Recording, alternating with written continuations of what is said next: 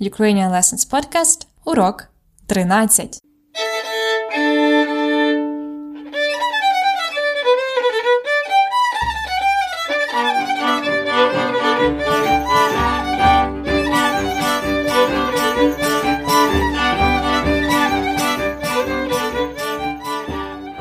Добрий день, добрий вечір or доброго ранку. Це Анна Огойко, ваша вчителька української. Як справи? Я дуже добре. I'm glad to be talking to you again and teaching you урок 13, lesson 13 of Ukrainian language. Moreover, it's my favorite topic again. Food. Їжа. But first of all, do you know that we are on Instagram? Recently, Ukrainian lessons have been very active there and we are at Ukrainian lessons. One word. We are posting there Ukrainian words of the day, verb conjugations, and also all kinds of language signs from the streets of Ukraine.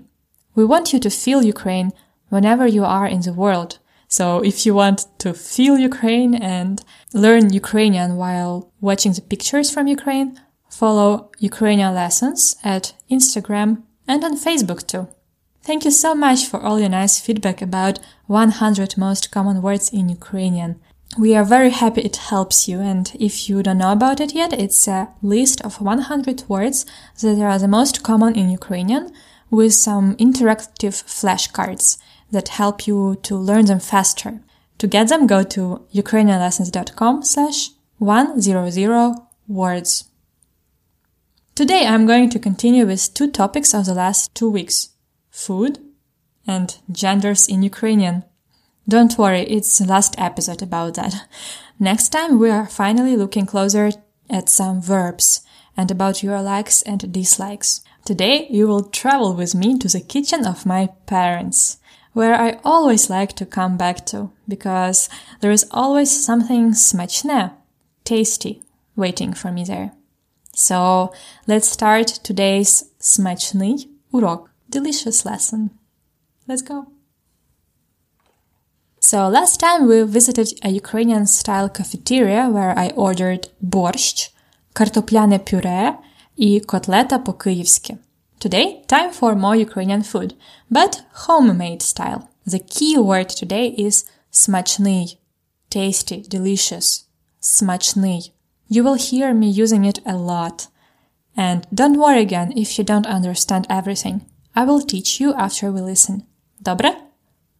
Let's listen to me and моя мама talking about food. Готові? Що на обід? Борщ Зелений чи червоний? червоний. Є ще гречана каша та овочеве рагу. Ого! Ням-ням. Ну як? Дуже смачно. Борщ смачний, каша смачна, рагу дуже смачне. Дякую, мамо. На здоров'я. Добре, so time to look closer to some particular points. The first question of mine was що на обід? Що? What?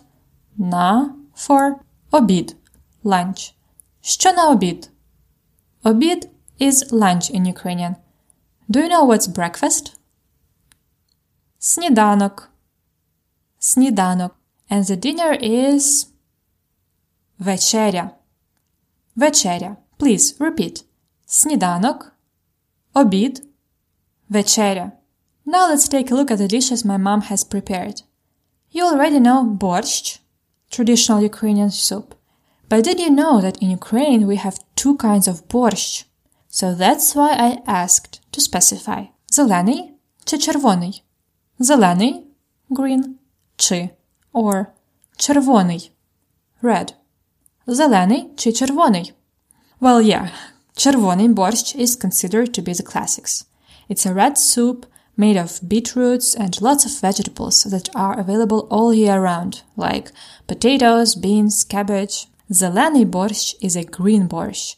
It is made out of different greens, the main of which is щавель. In English, it is sorrel.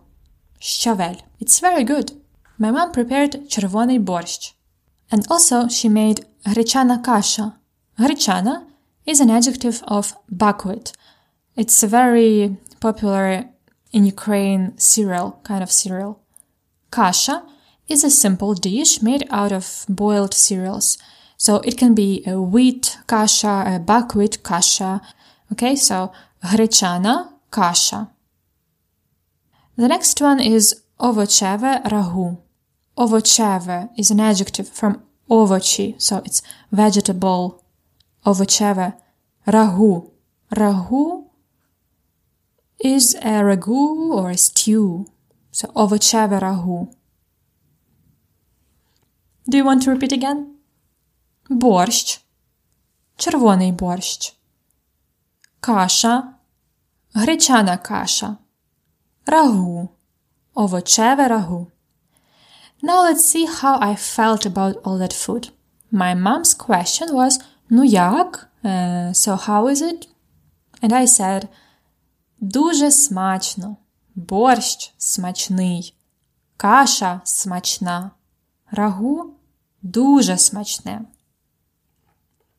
The general meaning of смачний is tasty, delicious. But you must have heard that it had all different forms in the sentence. Борщ смачний, каша смачна, рагу смачне. What are those endings? They indicate the gender again. See, in Ukrainian, nouns rule. They have a gender and the adjectives that are used with a noun in particular gender with a particular form.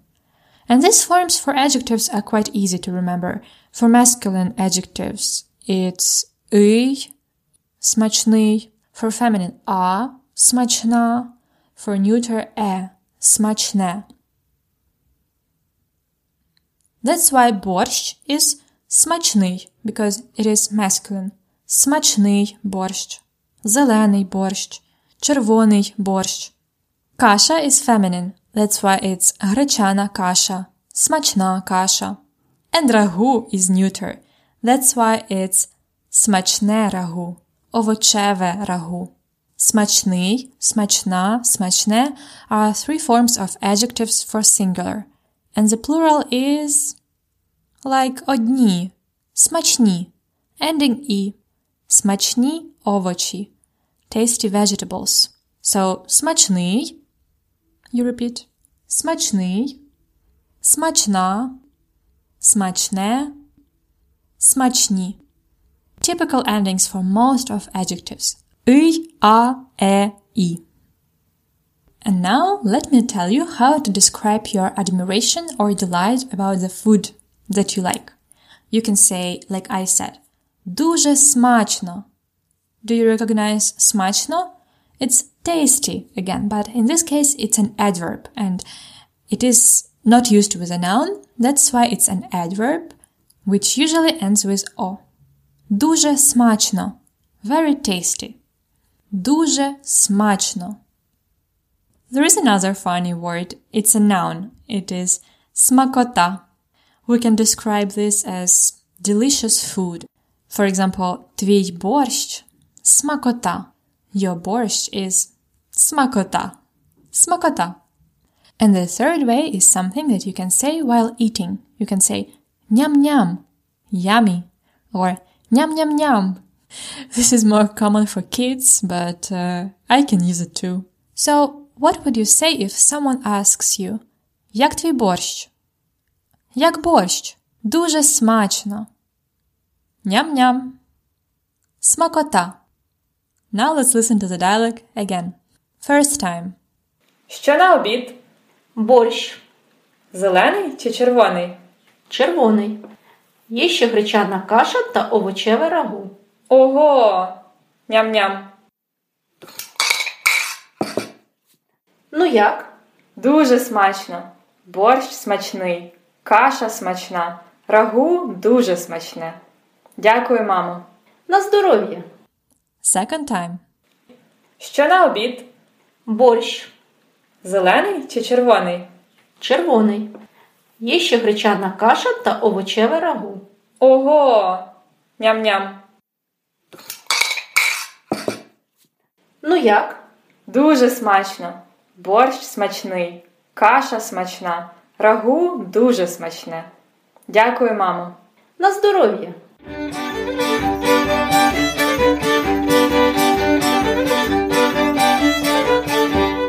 Now, as always, time for practice. Today, I'd like you to use your knowledge about genders and about adjectives. Try to connect this with the word смачний, with different dishes and drinks that we have learned during the last three episodes.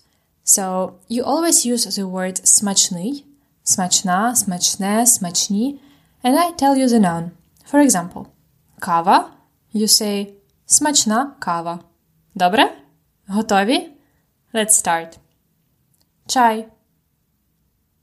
Смачний чай. Пиво. Смачне пиво. Компот. Смачний компот. Зелений борщ. Смачний зелений борщ. Котлета по-київськи. Смачна котлета по-київськи. Картопляне пюре. Смачне картопляне пюре.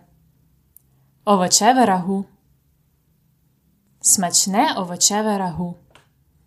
Овочі. Смачні овочі.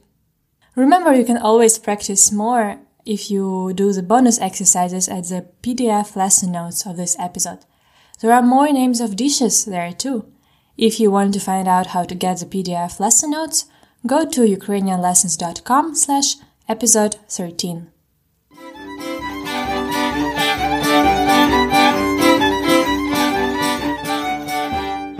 Now some cultural info at Ukrainian Lessons podcast. So talking about snidanok, obid, вечеря.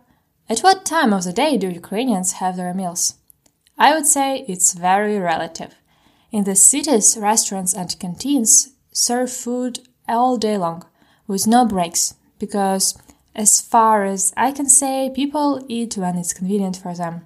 We don't have strong traditions about that. For example, snidanok, breakfast, is usually before going out for work, so it depends when a person goes out. Children usually have breakfast, snidanok, at 8 because school starts at 9. Obid is, in the most companies, it's from 1 to 2, but some people might have it later. And the time for večerya, I guess, it depends on how much a person thinks about healthy diet the appropriate good time is 7, but if you are okay with your weight and you might have večera at 8 or 9 too. So eat when you want and when you can. This is probably the motto of the modern Ukrainians.